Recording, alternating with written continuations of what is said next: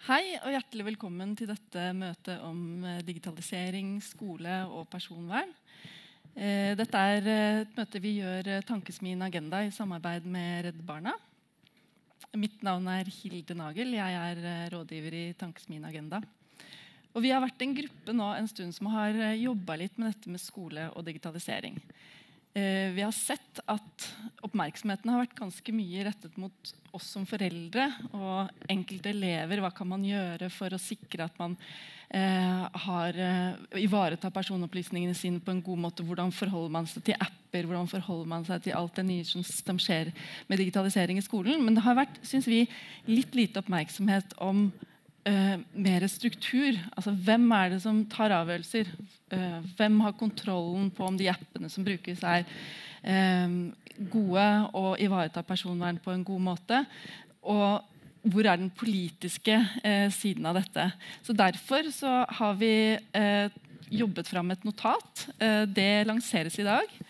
Og det er eh, De som står bak det notatet, det er Kaja Hegg i Redd Barna, Christian Falk, Eh, og Anja Salzmann hun er ved Universitetet i Bergen, og meg, Hilde Nagel fra Tankesmien Agenda. Og det er som sagt et diskusjonsnotat. Det vi ønsker er å dra i gang en diskusjon om disse problemstillingene. Og vi starter i dag med dette eh, flotte panelet. Eh, jeg har med meg Finn Myrstad, her som medlem av Personvernkommisjonen. Jeg har med meg Simen Sommerfelt, som er, eh, jobber i Bouvet og så er forfatter av rapporten om digitalisering i skolen. Har vi glemt personvernet? Så har jeg Edvard eh, Botelli, Botteli Udnes, som er leder i Elevorganisasjonen. Um, og uh, jeg har Halvard Hølleland, som er statssekretær i Kunnskapsdepartementet. Så jeg tenkte å starte litt med å si uh, litt mer om hvorfor vi har uh, skrevet denne rapporten. Vi mener altså at det er behov for en mer offensiv nasjonal politikk som styrker kommunenes forutsetninger til å tilrettelegge for god bruk av digitale tjenester. Og jeg tror Vi skal liksom starte med å se litt hva er det som er utfordringene her. En av utfordringene er eh, at teknologien åpner for nye former for overvåking og kontroll. Det er altså nå teknologisk mulig for eh, lærere langt på vei å ha oversikt over hva elever gjør, også når de er hjemme og sitter i sin egen stue og driver med skolearbeidet sitt. Det er mulighet for skoleledere å ha oversikt over hva, rektor, hva lærere gjør. Eh, når de, eh, både egentlig når, hvordan de disponerer skoledagen sin, og, og hvordan de, de legger opp undervisningen. Og det er ikke det at dette misbrukes i stor grad i dag, det er ikke den påstanden vi har, men det er at teknologien gjør det mulig å overvåke og kontrollere på måter som ikke vi er vant til. Og vi opplever at det er en liten diskusjon om det. Så er det også evalueringssystemer som innføres, som kan dreie seg om liksom, hvordan eh, trives elever på skolen, eh, hvordan fungerer ulike ordninger. Og Der også er det masse personopplysninger som samles inn, og det er relativt omfattende systemer ofte, som vi lurer på om det er eh, god kontroll på så er det veldig spennende ting som skjer i skolen nå. Det er mange aktører på banen, og det er mye nye læringssystemer som utvikles. Ikke minst det som gjerne kalles adaptive undervisningsressurser. Altså at det er ressurser tilpasset den enkeltes ferdighetsnivå. Og Det åpner for eh, en måte å samle data om den enkelte elev som vi er eh, litt eh, bekymret for, og som vi lurer på hvordan man skal forholde seg til. For Da kan du altså gå tilbake og se elevprestasjoner tilbake i tid eh, for å tilpasse undervisning eh, spesielt til disse elevene. Eller til person, personrettet til elevene. Og så er det selvfølgelig en, en problemstilling rundt dette med personopplysninger på avveie. Når vet vi om det er eh, kanskje tredjepartsapper som er inne og henter personopplysninger som så brukes til andre formål enn det de skulle vært brukt til? Der har det også vært en god del saker som bl.a. Datatilsynet har kjørt eh, mot enkeltskoler, hvor man har sett at det har vært utfordringer. Og Sist, men ikke minst, så går dette notatet litt inn på hvem er det egentlig som sitter og har kontrollen i dag. Og det er kommunene som er skoleeier, som har ansvaret for eh, både innkjøp, men også eh, opp, altså dette som går på hvordan man eh, forholder seg til og lagrer og oppbevarer data. Og det er i dag veldig store forskjeller i skolene på både hvilke løsninger som velges, og hvor mye ressurser kommunene har til uh, å gjøre dette. Det var kort egentlig om hvordan vi har presentert utfordringsbildet. Så nå har jeg egentlig lyst til å åpne opp da, eh, for eh, litt lengre kommentarer fra dere i panelet. For dere har alle god kunnskap om dere, dette fra hvert deres felt. Så da har jeg lyst til å begynne med deg, Edvard Botteli Udnes elevene, eh, elevorganisasjoner, eh, er vel opptatt av dette. Eh, hvordan, når du hører meg snakke nå, er, er, det noe som lyder kjent? Og hva er deres erfaringer eventuelt? Eh, hvordan har dere jobbet med det, eh, disse spørsmålene? Mm, dette lyder jo veldig kjent. Jeg elsker alltid å være først, for da blir alt sagt. Samtidig som jeg ikke kan bygge på det som er blitt sagt tidligere. Um, vi, eh, denne, eh, dette notatet er jo skrevet på en ganske sånn strukturnivå. Hva kommunene trenger, og hva slags nasjonalt regelverk som trengs. Så vi, vi jobber jo med dette også, men vi ser også på personvernsutfordringer også på individnivået i skolen. Hvordan den enkelte elev forholder seg til sitt eget personvern, og eh, hvordan skolen lærer opp den enkelte elev til å, eh, til å forholde seg til eget personvern. Og Der har vi liksom tre hovedutfordringer, ser vi. Eh, det ene er ressurser. Eh, det handler om hvilke eh, systemer man har tilgang på eh, og råd til. Også hvilke regelverk som ligger til grunn for kommunenes innkjøp av ulike systemer. Og, altså, som, som, som gjør at eh, altså en kommune som ikke har supermye cash eh, og kjøper inn gode digitale systemer, en hel pakke, så bruker mange lærere som tredjepartsapper. ikke sant? Eh, det andre det er kompetanse. og Det ligger både i all hovedsak hos elevene og lærerne.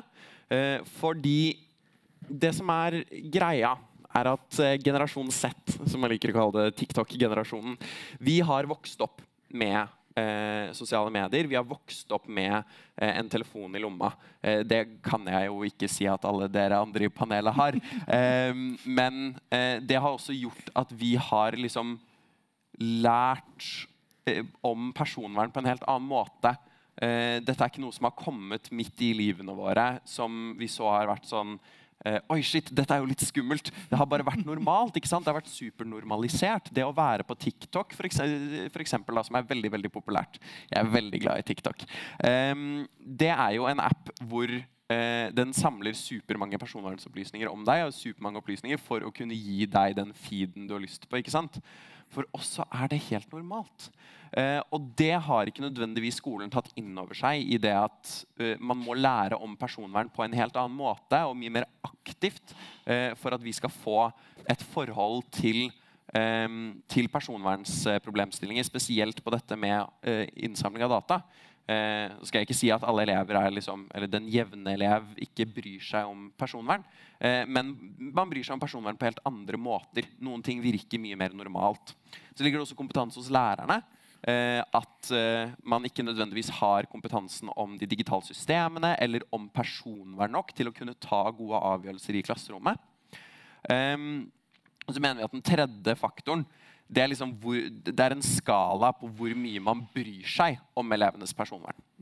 Eh, og det mener vi er en, er en reell utfordring i skolen i dag at man snakker om elevenes personvern på eh, agendafrokoster. Og eh, det, er et, eh, det er en problemstilling. Men dag til dag så bryr man seg ikke så mye. Man setter opp videoovervåkningskameraer i kantina når man har problemer med utagerende elever. Eh, man har veldig lenge hatt eh, eh, ransakelser med narkotikahunder i skolene for å forebygge rus. Eh, man eh, krever dokumentasjon i form av selfier eh, i gymtimer når man har orientering.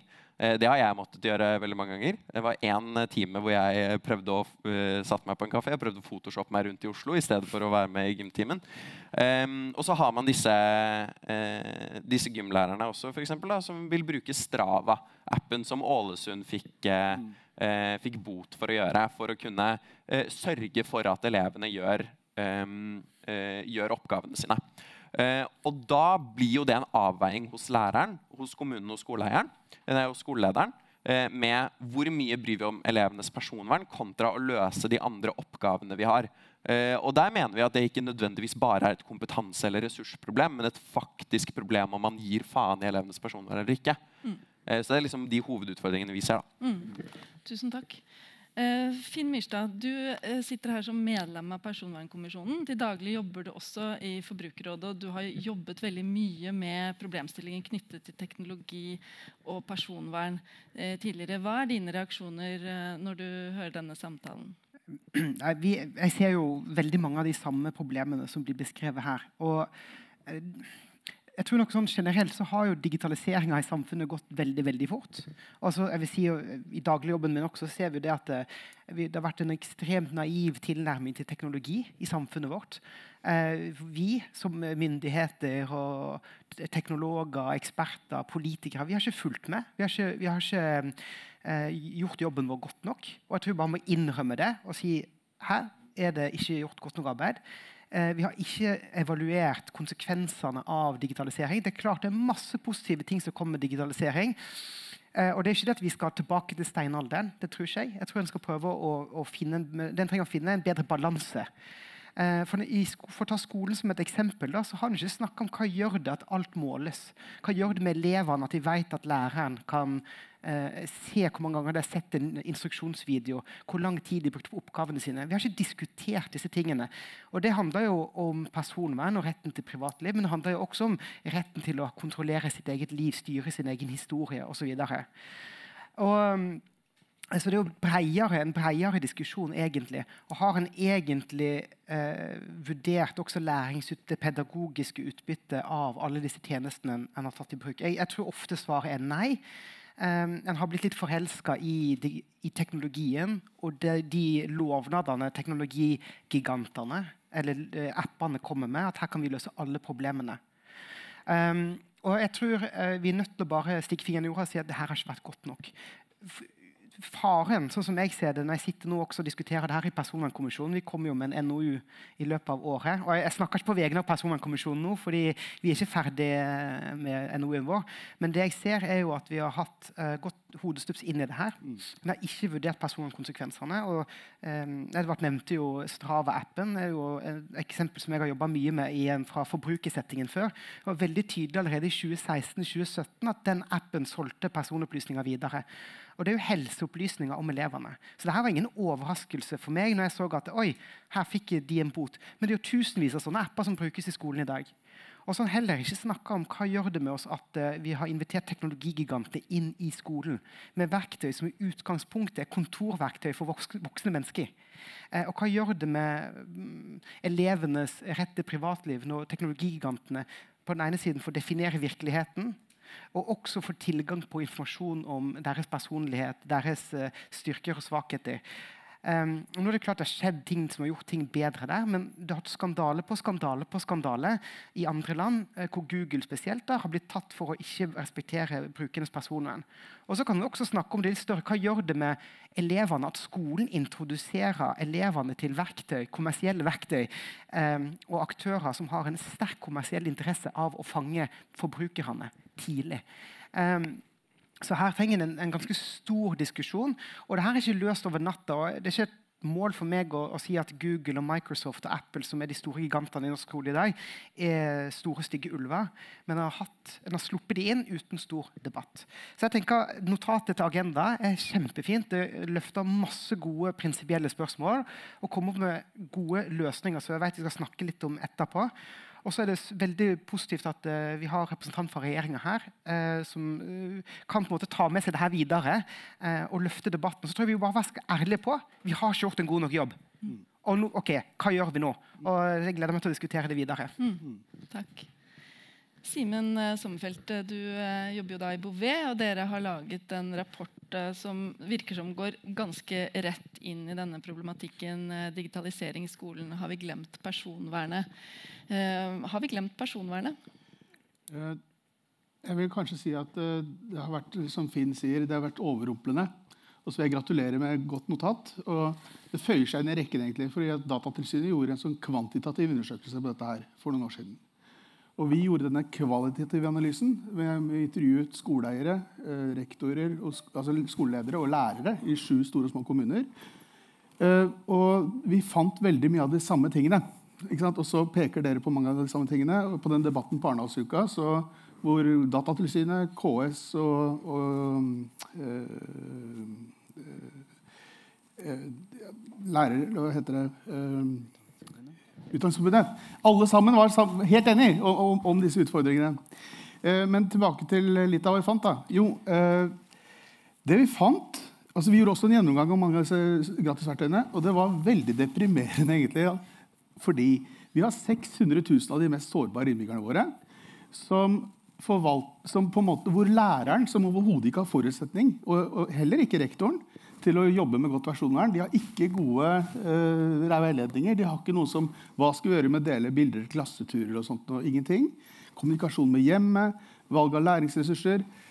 Det er helt krise. Jeg tenker på 600 000 altså de mest sårbare innbyggerne våre er, er veldig dårlig håndtert.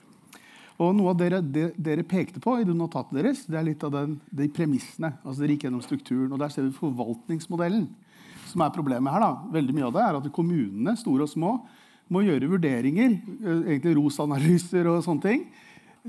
356 kommuner, 11 fylkeskommuner, må da gå gjennom alle disse verktøyene for alle disse nivåene på skolen. De har jo ikke sjans, ikke sant?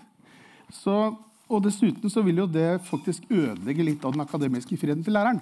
For Hvis de skal være lovlydige, så må de jo egentlig spørre eh, personvernombudet i kommunen da, kan jeg bruke det her. Og Dette ombudet skal også ha ansvaret for eh, saksbehandlingsapplikasjoner, primærhelsetjenesten. Klart Du rekker ikke å gjøre noe sånt. Så det som læreren da gjør, er å bruke en gratisapp hvor du havner Egentlig gjør eleven til en vare på sånt uregulert marked. Eh, og, og, du blir aldri kvitt det, for det er ikke noe sted du blir sletta. Og I tillegg så har du dette med, eh, med, kommunikasjon i situasjoner hvor det er f.eks. overgrep, mobbing, eh, lærevansker og slike ting. Så må mange aktører snakke sammen. F.eks. barne- og ungdomspsykiatrien, eh, PP-tjenesten, barnevernet, helsepolitiet av og til. Og Da er det ingen støttesystemer for det, så de ender opp med ofte et OneNote med passord som de forteller om høyt på lærerværelset. Og, og, dette vet kona mi også om, for hun jobber i PP-tjenesten og sier sånn har jeg hørt i alle år. Men, det, man skal jo ikke på en måte la personvernet gå på bekostning av dette barnet. Vi må jo redde det.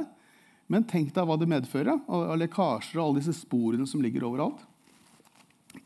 Og, og, det vi fant ut av, det var at det, Kommunene har ofte go god kunnskap sentralt. Men eh, lærerne og, og, rektorene har ikke det. Så de vet ikke at de skal ha avvikshåndtering engang. De vet, vet ikke at det fins. Og det er ikke det at det gir Eh, de gir ikke blanke. De har dårlig samvittighet. Eh, eh, og de vet at det, liksom, det gir dem dårlig selvtillit. Da. Men de har jo overhodet ikke noe språk for å håndtere dette her. Så, når vi ser på da, og Vi må jo ikke skylde på lærerne. De gjorde en kjempejobb under korona. Men problemene ble bare sterkere og mer synlig. fordi vi tvang jo elevene og lærerne over på dette. her. Og det var forutsetningene for å gjøre det så sprikende og vidt forskjellige. Og da får vi det at små kommuner som ikke har ressurser, der vil faktisk barna bli mye mer skadelidende enn de store, som Bærum eksempel, som gjør en god jobb. Det er vel egentlig så kan vi komme med noen forslag til løsning etterpå. Ja, men, ja. men det, tror, det, som er litt positivt, da, det er at uh, de forslagene til løsninger som både står i den rapporten, og som vi kom med, og som Datatilsynet, uh, Utdanningsforbundet, KS peker på, det er mye av det samme. Så det gir et visst håp. Mm. Ja, vi skal, vi skal, snakke om uh, løsninger snart. Uh, vi har fått ganske bredt bilde av utfordringene her. Og vi har også fått høre om store forskjeller mellom kommunene. Uh, hva tenker du, statssekretær Halvard Hølland, når du hører dette?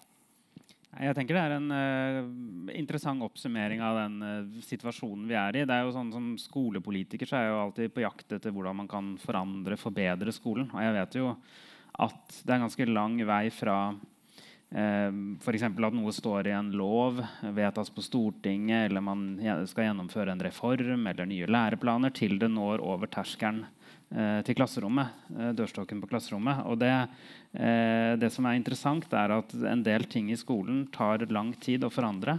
Eh, samtidig som dette vi snakker om nå, digitalisering, har skjedd utrolig fort. Eh, og uten at vi egentlig politisk, når jeg ser på de utdanningsreformene vi har hatt, selv om digitalisering har en måte vært en del av det, så har det på en måte ikke vært et sånt politisk spark bak for å få dette til. Da. Det er noe som på en måte har vært en slags sånn usynlig skolereform.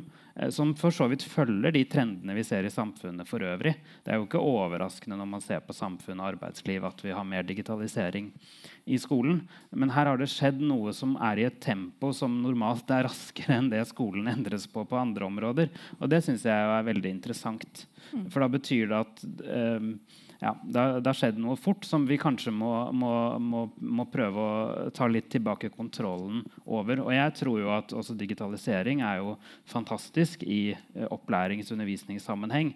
Både på en måte det skoleadministrative når det gjelder kontakt og dialog, og selvfølgelig masse uh, utrolig gode digitale eh, læringsverktøy. Uh, men det har jo gått veldig langt veldig fort. Eh, og vi har nok ikke bygget opp den kompetansen parallelt både til å bruke digitale læremidler, men også til å passe på personvernet.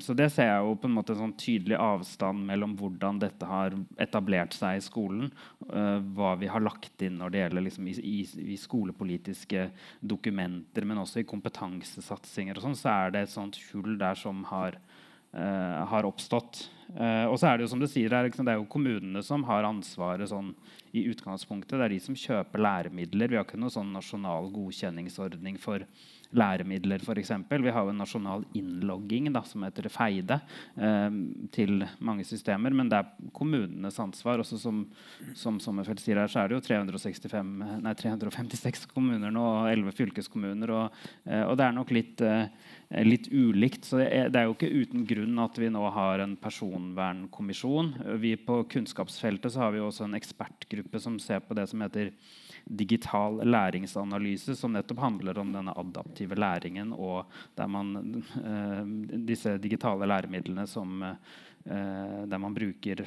eh, ja, og, og, der er jo personvern en del av den, den ekspertgruppens arbeid. da. Mm -hmm. Så jeg skal kanskje ikke komme inn på, på løsninger ennå. Men det er jo utrolig viktig å si at dette, altså elev, barn og unge har rett til personvern. Og Eh, det skal, må vi på en måte eh, ivareta. Men her er det, en, er det, jo en utvikling som har gått utrolig fort. Da. Og personvernet må jo eh, slå litt tilbake. Det er helt åpenbart. Ellers så kan dette gå, gå, gå ille. Og så er det jo selvfølgelig noen det er jo noen eksempler på nettopp det. da, At Eh, at det går ille. Men så er det utrolig mye vi også ikke vet. Mm. Altså, dette er komplekst, og det er utrolig mye vi ikke vet om alle disse dataene. Mm. hvor, de, hvor, de, havner, og hva det eventuelt, eh, eventuelt brukes til. Mm. Så sånn til slutt, så Det tror jeg er ganske godt reflektert i Hurdalsplattformen. Der er det både en ganske sånn offensiv holdning til digitalisering, men også kritisk. da. Så man prøver å kombinere og balansere det at vi må ha digital kompetanse, ta, utnytte mulighetene som ligger der. Eh, men det er nok en mer kritisk holdning til mye av digitalisering organiseringen enn det som kanskje har stått i en del sånne type offentlige dokumenter tidligere. Mm. Det jeg hører alle sammen si på en eller annen måte her, er at eh, det er noen utfordringer knyttet til kontroll og ansvar eh, for personopplysninger. Men det jeg også ehm, eh, bet meg merke i, og kanskje spesielt noe du sa, eh, Simen Sommerfelt, det var at eh, du får løsninger som blir sårbare fordi du ikke har et godt nok system i utgangspunktet for å løse den oppgaven som skal løses. Og du nevnte mm. da dette med kontakt, eh, skole, hjem og i vanskelige mm. situasjoner. Og at man da ender opp med tredjepartsapper eller, eller billige løsninger, gratisløsninger hvor personvernet ikke er godt nok ivaretatt fordi man rett og slett ikke har tenkt over det. Er det da også behov for å lage egne gode løsninger for datadeling i skolen? Finn? Ja, altså, jeg tenkte litt på det. Og, og Nå skal jeg være forsiktig med å snakke om ting jeg ikke kan noe om. Men eh, jeg, litt, jeg, hadde en diskusjon i går og, om akkurat dette temaet. Og eh, Som Simen sa, er jo at barn har jo et ekstra krav på beskyttelse når det kommer til personvern. Det er nedfelt i Barnekonvensjonen, og i menneskerettighetene og i personopplysningsloven og mange steder. Men likevel ser vi at eh, personvernet trampes over daglig i, i skolen, dessverre. Enten litt bevisst, litt à la det eh, Edvard beskriver, kanskje kameraovervåkning og, og, og sånn, og så ganske mye ubevisst. ikke sant? Ubevisst bruk av verktøy. Og da er det jo, som Simen beskrev, Noe er jo at du kan ha et verktøy som er kjempepersonvernvennlig, men bruken blir gal. Så da har du kompetansegreiene. Men så har du sikkert, eh, tror jeg, og det er jeg ganske sikker på, bruk av systemet som i utgangspunkt bryter med personene på ulike måter. Enten fordi informasjonssikkerheten ikke er ivaretatt, enten fordi en ikke har sikra seg gode nok avtaler for å hindre videre bruk av data. Da, da, det kan være kommersielle tredjeparter, altså apper à la Strava, eller store systemer à la Google, der du ikke klarte å lage eh, sterke nok beskyttelser for at de dataene du gir fra deg til Google, gjennom Chromebook på, på skolen, ikke brukes i, av Google videre. Googles forretningsmodell er jo å profilere brukerne og målrette reklame til de.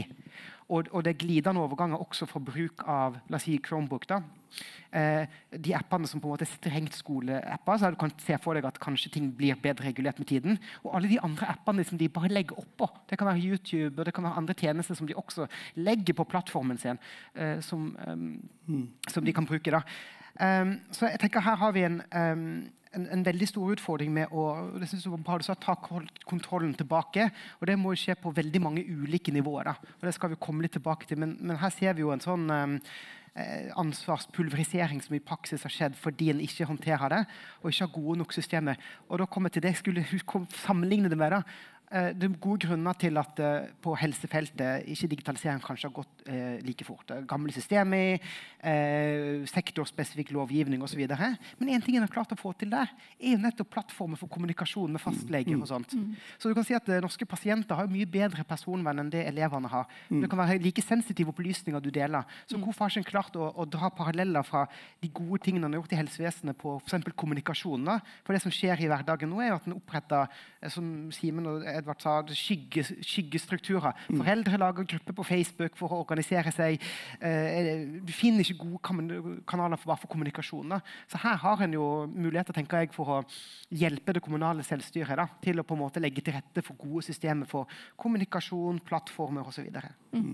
Edvard, hadde du lyst til å kommentere på det? Ja, eh, fordi jeg, altså, jeg syns det er veldig viktig med systemer og eh, og, og, kompetanse. Men jeg tror ikke vi kommer oss unna det å diskutere personvern i skolen uten å, eh, uten å diskutere elevens posisjon i skolen. Og at der eh, Lærere har ikke all skyld, men de er ikke fratatt skyld heller. Eh, fordi selv om eh, Og det, det har så ja, lærerne var flinke under korona, men det betyr fortsatt at det er store problemer i lærerstanden. Eh, selv om man klarte å kaste seg rundt i sektoren, så betyr det fortsatt at det er ting som må røskes opp. Eh, og eh, For å bruke eh, pandemien som et eksempel, da, så var det veldig veldig mange, og vi fikk kjempemasse tilbakemeldinger på at det var et krav fra lærere å ha på kamera. Eh, ikke sant? For det gjorde jobben deres lettere. Og det skjønner vi veldig godt. ikke sant? Eh, når elevene har på kamera, så kan du se om eleven ikke sitter sånn her på mobilen, eller ligger i senga, sånn som jeg gjorde i alle samfunnsøkonomitimene, eh, eh eller eh, bare ikke er der. Eh, som jeg også gjorde en time før lunsj en gang. Jeg var en helt jævlig elev. men det, eh, det, å da åpne opp med å ta, bli tvunget til å uh, slå på kameraet sitt og åpne opp for uh, altså klasserommet for rommet ditt, da, uh, som er noe mye mer personlig enn deg i klasserommet, det er et stort problem mm. som man ikke da la like mye vekt på som lærerens, opp, som lærerens mulighet til å gjøre mm. jobben sin. ikke sant? Mm. Og at dette handler om hvor mye vi verdsetter eleven som enkeltperson også i skoleverket når det kommer til medvirkning, når det kommer til viktigheten deres av å bli hørt, av å være enkeltmennesker, um, så er det Vi kommer ikke til å kunne løse personvernsproblemene uh, i skolen uten å også se på elevrollen. Uh, og det er derfor jeg mener at en, altså, derfor er det en tredje hovedforklaring der, og det er hvorvidt man bryr seg, og hva, hvordan elevens rolle står i skolen. Mm. Og det du trekker frem der er jo noe veldig viktig, for det handler om brukerperspektivet også i utviklingen av de digitale løsningene.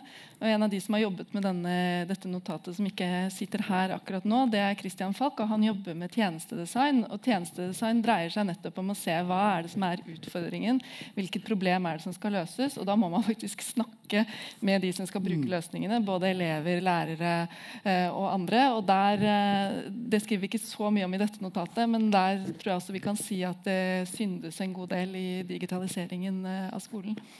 Um, nå tenker jeg vi skal gå over til å diskutere mer løsninger. Eh, før eh, vi gjør det, så har jeg bare lyst til å si til dere som følger oss, at det er mulig å stille spørsmål i chatten. Vi ser litt hvor mye spørsmål vi tar inn etterpå. Det er litt avhengig av energien i panelet og hvor lenge vi orker å holde på. Men det er fullt mulig å stille spørsmål nå, så skal vi se om vi kan ta noen av de inn mot slutten. Men da, eh, da har vi kommet over, vi har ønsket også at dette notatet skulle være litt konstruktivt. fordi at eh, vi hadde ingen, hadde ingen, ingen behov for å liksom tegne noe sånn elendighetsbilde av digitalisering, og heller ikke si at eh, det er noe vi ikke skal gjøre. Men vi ønsket å være konstruktive på hvordan man kunne få en bedre, tryggere digitalisering, spesielt da i forhold til barns personvern. Og jeg har lyst til å bare nevne de fem tiltakene som vi trekker opp eh, i notatet. Det første er å opprette et nasjonalt testsenter som eh, undersøker og sertifiserer.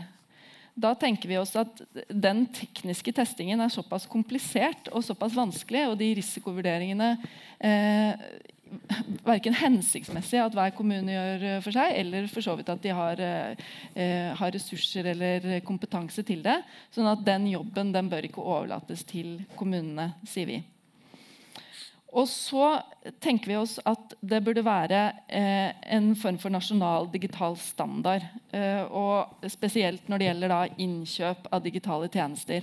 Eh, I dag har vi fått inntrykk av at det er eh, også ganske ulikt hvordan man forholder seg til kontrakter. Om man bare godtar den kontrakten leverandøren kommer med, om hva slags betingelser man stiller tilbake. Men en nasjonal standard som, eh, som en bevisstgjøring eh, tenker vi oss. Eh, og da under det også utbedre de avtalene som eh, ligger der, eh, med tanke på eierskap til data og med tanke på å beskytte barns digitale rettigheter. Vi mener også det kan være behov for å nettopp eh, utrede nasjonale regler for beskyttelse av barns eh, privatsfære. og Det er litt til det poenget til Edvard. At dette er, det er barna eh, og eleven som skal stå i sentrum for det vi gjør. Og eh, vi trenger eh, mer bevissthet rundt det. og en, en, en form for standard også for hvordan det skal gjøres. Og Det siste punktet er ganske stort. Det eh, har vi kalt 'utarbeide en ny digital infrastruktur for utdanning'. Men det er vel nettopp det å tenke egne løsninger når det gjelder digitalisering av skolen, og ikke bare eh, blindt eh, akseptere på en måte å kjøpe det som er til salgs i markedet. Eh, og Der kan det gjøres stort eller lite. Noen land har tatt veldig stort ansvar for eh, å utvikle egne ting. Andre land har mer lagt seg på å tilrettelegge for eh, en digitalisering i nasjonal regi. Men, men vi tenker at det er viktig å se på framover. Så eh, Med den innledningen så har jeg lyst til å kaste ballen over til mitt eh, kompetente panel. Hvem er det som har lyst til å gå først? Simen?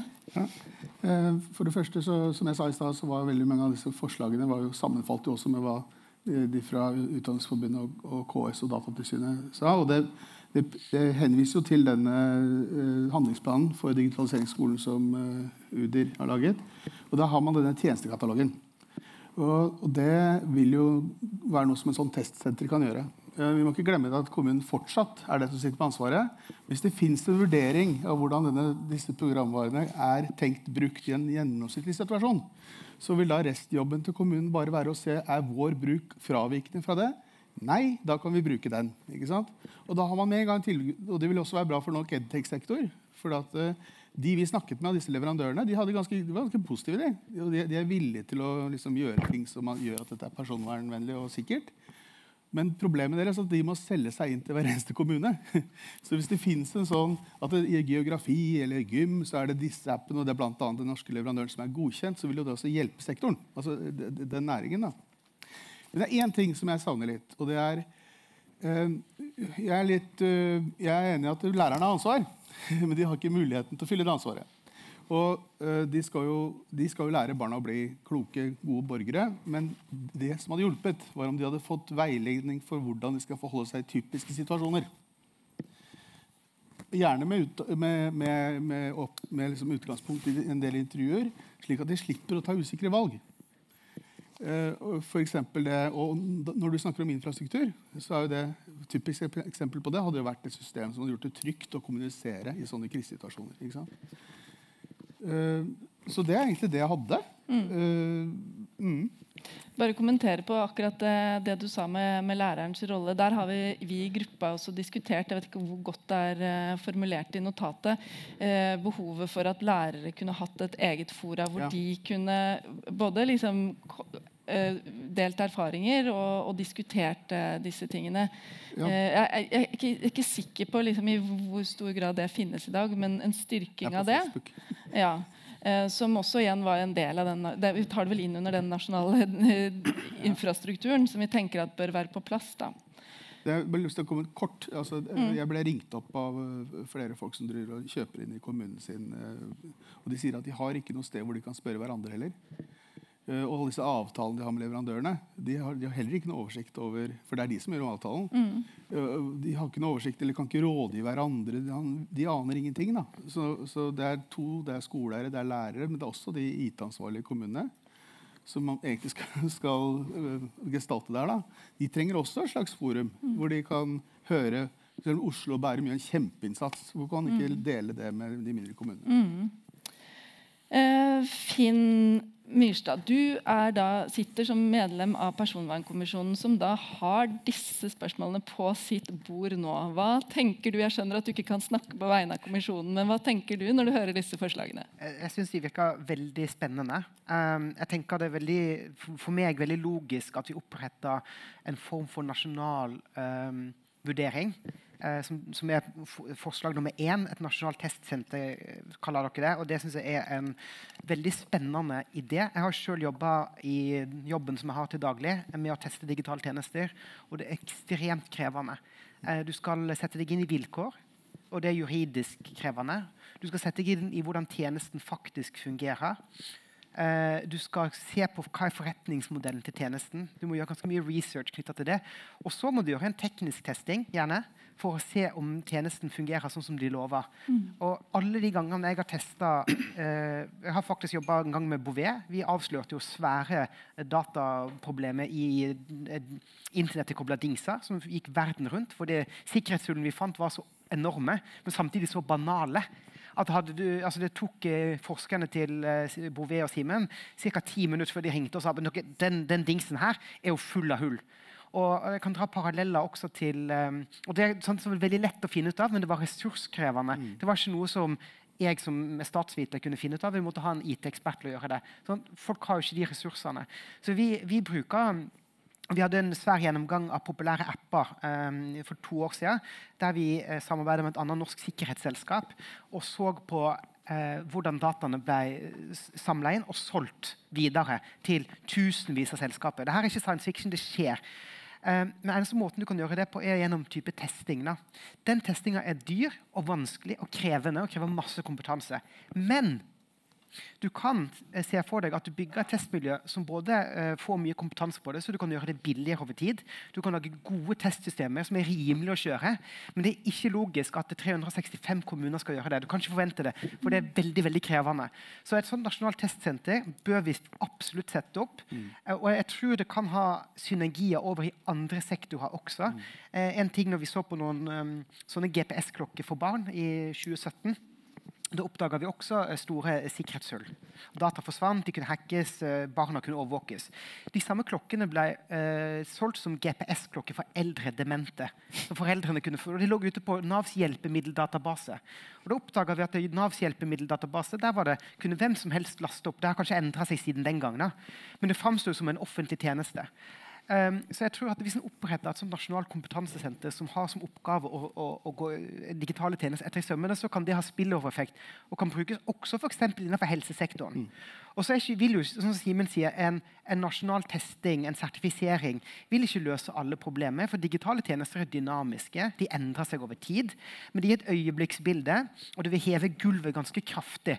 Og som eh, Simen sa, jeg har også en, en, en tese om at uh, hvis du først blir for, for, for, for, for forhåndsgodkjenning, så vil for mange norske selskaper Vi har også snakka med de i Personvernkommisjonen. Hvis vi først kommer gjennom det nåløyet, mm. Så vil det mye lettere komme ut til hele Norge. Mm. Så sånn sett så vil det øke eh, konkurransekraften også i Norge. Så jeg tenker at Nasjonalt testsenter er kjempebra, men det, det, vil kreve politisk vilje. da, for Det kommer til å koste penger. Men jeg tror det du får igjen ved å bygge tillit til digitale tjenester, vil være enorm. For det vi ser i dag, er at tilliten til digitale tjenester synker.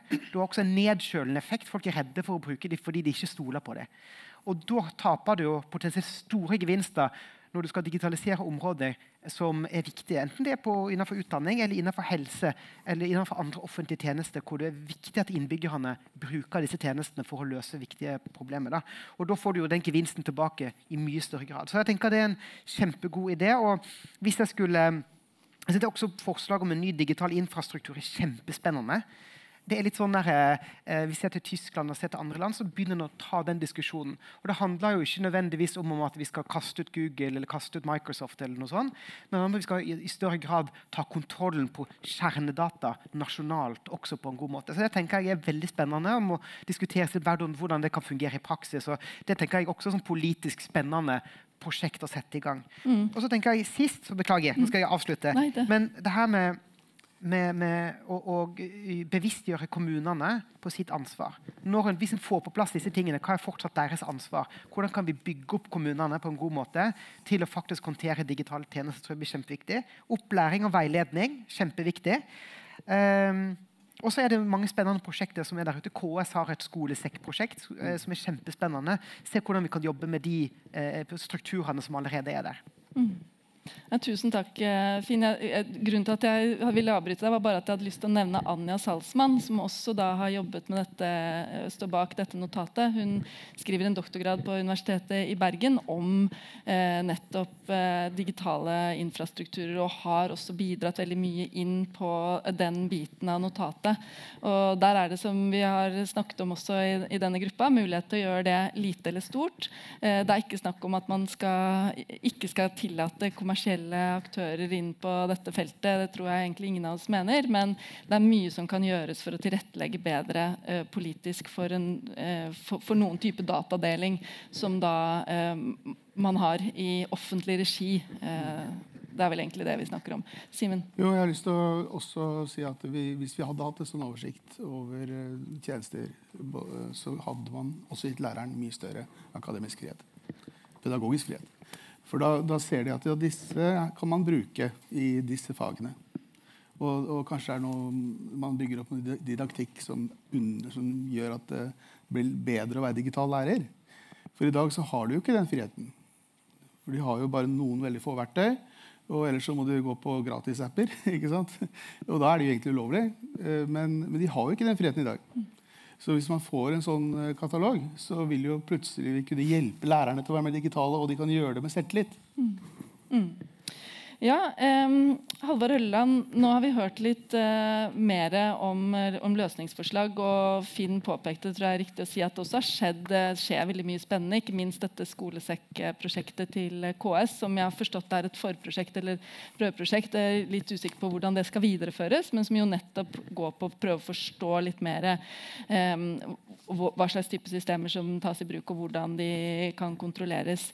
Uh, hva, hva, hva tenker du når du ser ser denne listen med tiltak, er det behov for å uppe gamet holdt jeg på å si, og styrke innsatsen her? Altså, vi har jo en, da en diskusjon om eh, hvor stort nasjonalt ansvar man egentlig skal ta her. Da. Hvor stort statlig ansvar. Eh, mye ansvar ligger hos kommunene. Og kommunene kan jo også stille krav, innkjøpskrav, stille, sette standarder for eh, læremidlene sine. Eller plukke ut noen. Eh, lærerne i kommunene kan, kan, gjøre det. Eller man kan liksom eh, la blomstrene blomstre, for å si det sånn. Og det er helt fritt frem. Eh, men som jeg sa litt innledningsvis, hvis man gjennomfører en sånn maktanalyse i skolen, hvem, hva, hva, påvirker og bestemmer, så tror jeg jo læremidler kommer veldig høyt opp. Da, samtidig som vi egentlig ikke stiller noe særlig krav til de læremidlene. I hvert fall ikke nasjonalt. Det, det, og, og, og, en grunn til det er nok nettopp at vi har ønsket, og man har nasjonalt ønsket, at det skal være opp til profesjonen å bestemme. Lærerprofesjonen, det er de som vet best. Trenger ikke å styre dette nasjonalt. Altså, det, jeg har jo sympati for det, samtidig som jeg har jo sympati for ut fra det vi har snakket om nå, at det er behov for å gjøre noe. Det er jo øh, åpenbart. Uh, og jeg tror jo at øh, vi vi trenger å sette noen sterkere nasjonale standarder for læremidler, uten at vi nødvendigvis skal ha en nasjonal godkjenningsordning for læremidler sånn man hadde tidligere. Eh, og fra regjeringens side så har vi satt i gang arbeid med å lage en, eh, en nasjonal, ny nasjonal strategi for digital kompetanse og infrastruktur i skolen. Og da vil vi jo se på personvern, se på disse forslagene dere har fremmet her, som er veldig godt uh, interessant å ta med. Uh, for vi trenger jo en nasjonal plan for dette også. Og da sier jeg jo ikke at med det så betyr det at vi skal ha et nasjonalt testsenter eller ha en nasjonal godkjenningsordning. eller noe sånt, Men det er åpenbart at vi trenger noen flere, en bedre nasjonal kontroll over hva som skjer. Og, og det er jo helt, På andre områder så setter vi jo en del nasjonale standarder, forventninger, f.eks. For til personvern da, eller til, eh, som man kunne satt da, eller til, til kvalitet. og, og, og sånn da. Så Det er jo ikke noe sånn i prinsippet noe grunn til at man ikke skal gjøre det på dette området. Mm. Men vi må da liksom klare å balansere de ulike rollene da, og litt ulike hensyn. da, Hva som er fag.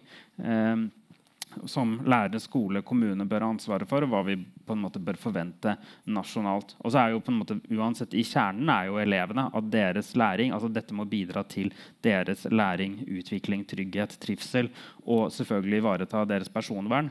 Og I ny barnelov, som er også et arbeid som pågår, så er jo personvernet styrket. og jeg tror jeg, som jeg sa også, at liksom Personvernet er jo på en måte vi, vi må hente oss inn igjen.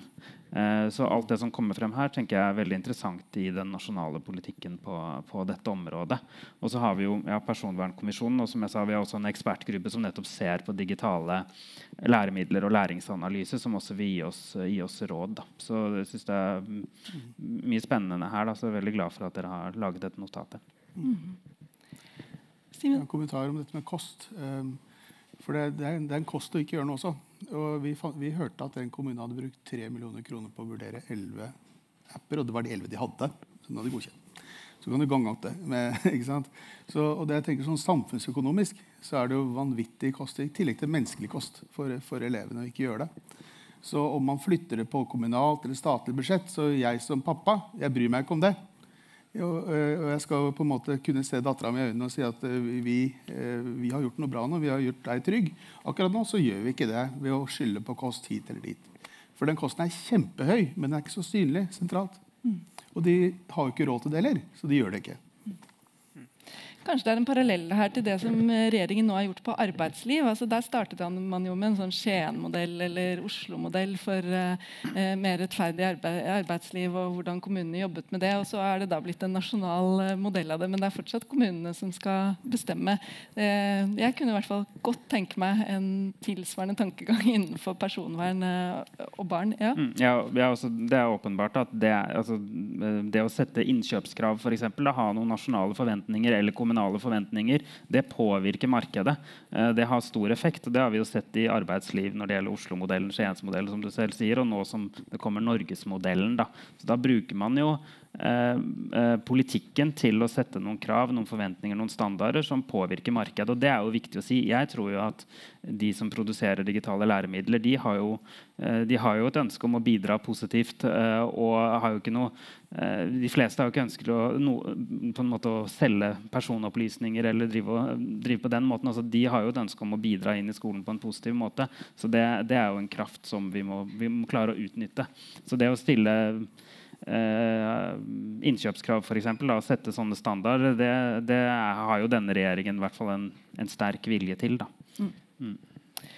Jeg lurer på om vi nå er kommet dit at vi skal Skal jeg få lov til å kommentere på løsningen? eller? Det skal du få lov. Beklager, Edvard. Beklager. Ja. Takk. Selvfølgelig. Eh, jeg skal prøve å holde det kort. Eh, men eh, altså, vi, vi eh, liker jo at mye av dette er jo nærmest hentet fra vårt politiske måldokument, så vi er jo enig i flesteparten av løsningene. Men det vi tror er veldig viktig, er at man også legger inn eh, eh, regler. Altså at man styrker barns lovverk i form av f.eks. Eh, frihet for kameraovervåkning i skoletiden eh, på skolens område.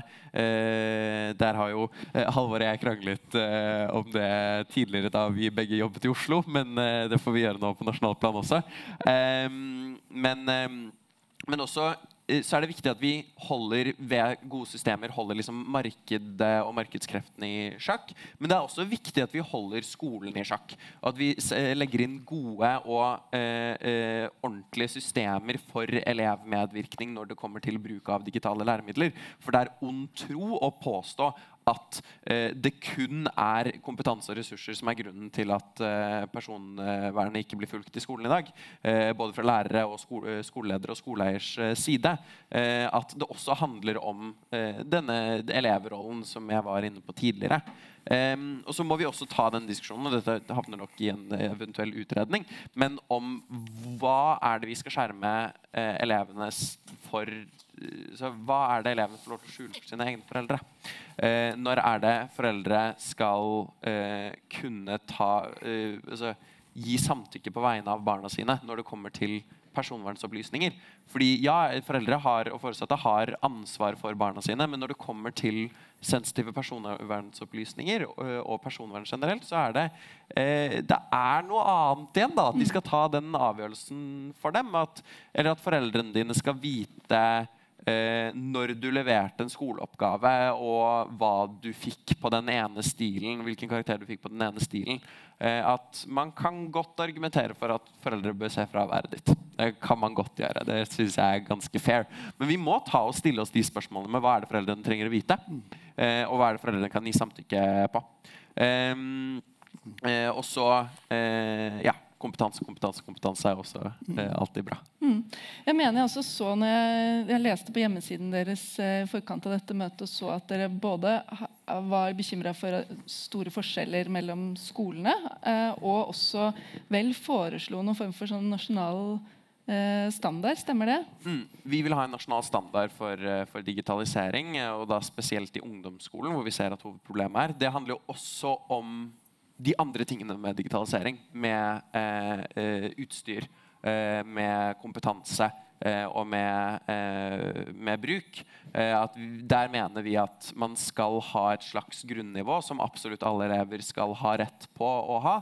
I form av hvor, godt, hvor gode PC-ene dine skal være, og hvilke grunndigitale læremidler hva du kan forvente som elev, uansett hvilken kommune du bor i.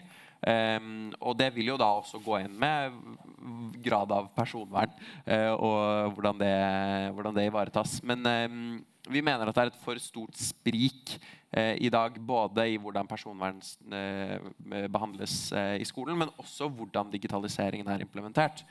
Og det mener vi at der er jo vi litt uenige i den der pedagogiske friheten. For den er ikke alltid en god ting, og den må holdes litt i balanse også. Og kommunenes selvstyre må også holdes litt i balanse. Vi i Elevorganisasjonen mener jo at kommunenes selvstyre og tillit til kommunene bare er ord man bruker når man ikke vil bruke penger i statsbudsjettet. Eh, men eh, det er viktig å også vurdere elevenes rett til et godt tilbud og et forsvarlig tilbud eh, i det når man snakker om pedagogisk frihet og eh, selvstyre, kommunalt selvstyre. Eh, og da tror vi at det kan ha noe for seg med en eh, nasjonal standard for ting. Da, eh, tusen takk for det, og det var veldig viktige perspektiver. Eh, jeg skal ta noen spørsmål, eh, og så eh, går vi etter hvert eh, inn for avrunding. Men vi skal ha en liten diskusjon nå. Og da er det fra chatten. Det er eh, Er vi for tilgivende når vi tilskriver personvernflauser systemsvikt, og så sier vi skal bli bedre? Personopplysningene til elevene er for lengst solgt videre til kommersielle aktører som kommer til å profitere på dette i lang tid framover.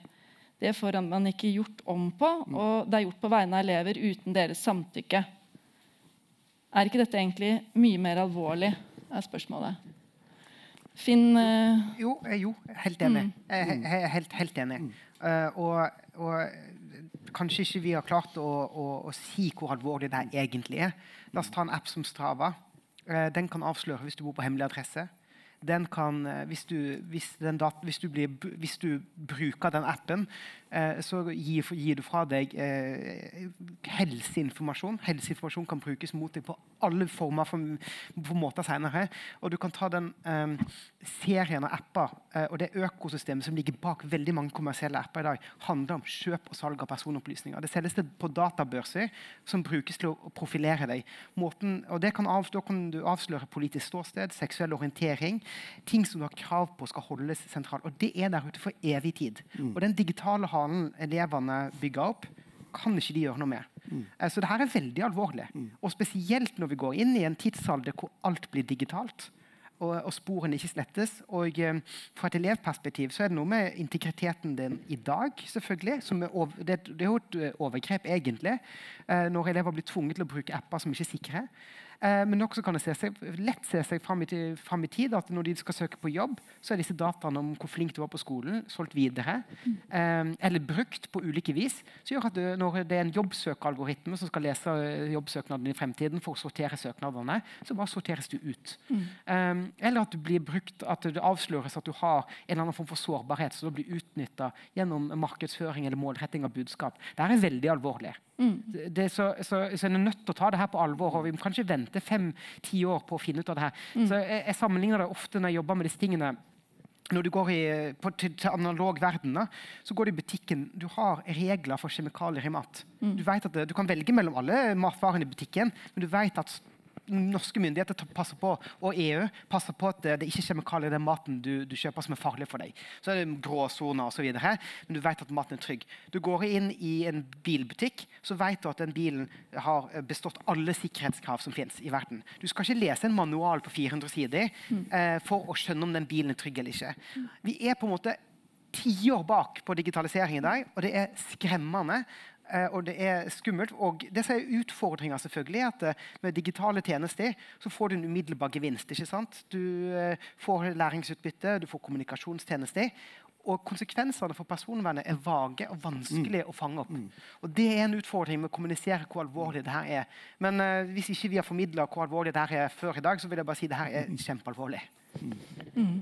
Nå er det lite note to self i og med at dette går eh, Facebook live også. sånn at det er kanskje andre grupper som også må tenke på det. Men nå, vi, nå snakker vi om skole og, og, barna våre og inn i den offentlige skolen. Og, og Edvard, eh, du sa jo innledningsvis at uh, dere er jo vokst opp med dette. Dere er en del av DNA-et deres. holdt jeg på å si. Det er sånn dere er vant til at det er.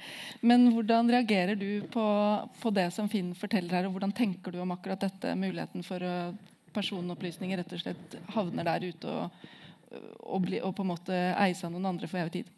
Nei, altså, vi syns jo dette er dritalvorlig. Mm. Uh, det er pisskummelt. Uh, og, og, vi mener at absolutt alle i skolen og myndigheter har, har, et, har, hatt ansvar for at dette har skjedd, og har latt det skje. Uh, og derfor har vi Vi har ikke så god tid på å fikse det her. og det, det syns vi, vi er ganske alvorlig, egentlig, at man eh, har brukt det litt som en sånn derre eh, intellektuelt spørsmål som holder seg til liksom Morgenbladet og Klassekampen og sånn i alt, altså debattspalten der i altfor lang tid. Og så, nå, nå, får vi jo en NOU fra dere, og vi får, eh, får ekspertutvalget som Halvard snakker om. Og det, eh, det, er, det, er, bra, men det har gått for lang tid mm. eh, for en såpass alvorlig ting. Eh, at jeg tror at vi må eh, eh, Halvard må løpe tilbake til Kirkegata, og Finn må løpe tilbake til hjemmekontoret og, og skrive fort. Det er kommet et spørsmål her også om kommunene. og Vi snakket jo litt om det om, om kommunalt selvstyre. at ikke, Det er ikke det vi utfordrer med dette notatet, men vi ønsker å styrke kommunenes mulighet til å gjøre jobben sin. Og spørsmålet her er kan det ikke bidra til mer handlingsrom og store besparelser for kommunene om en større del av forvaltning kunne gjøres sentralt? Og da nikker, nikker hele panelet mitt.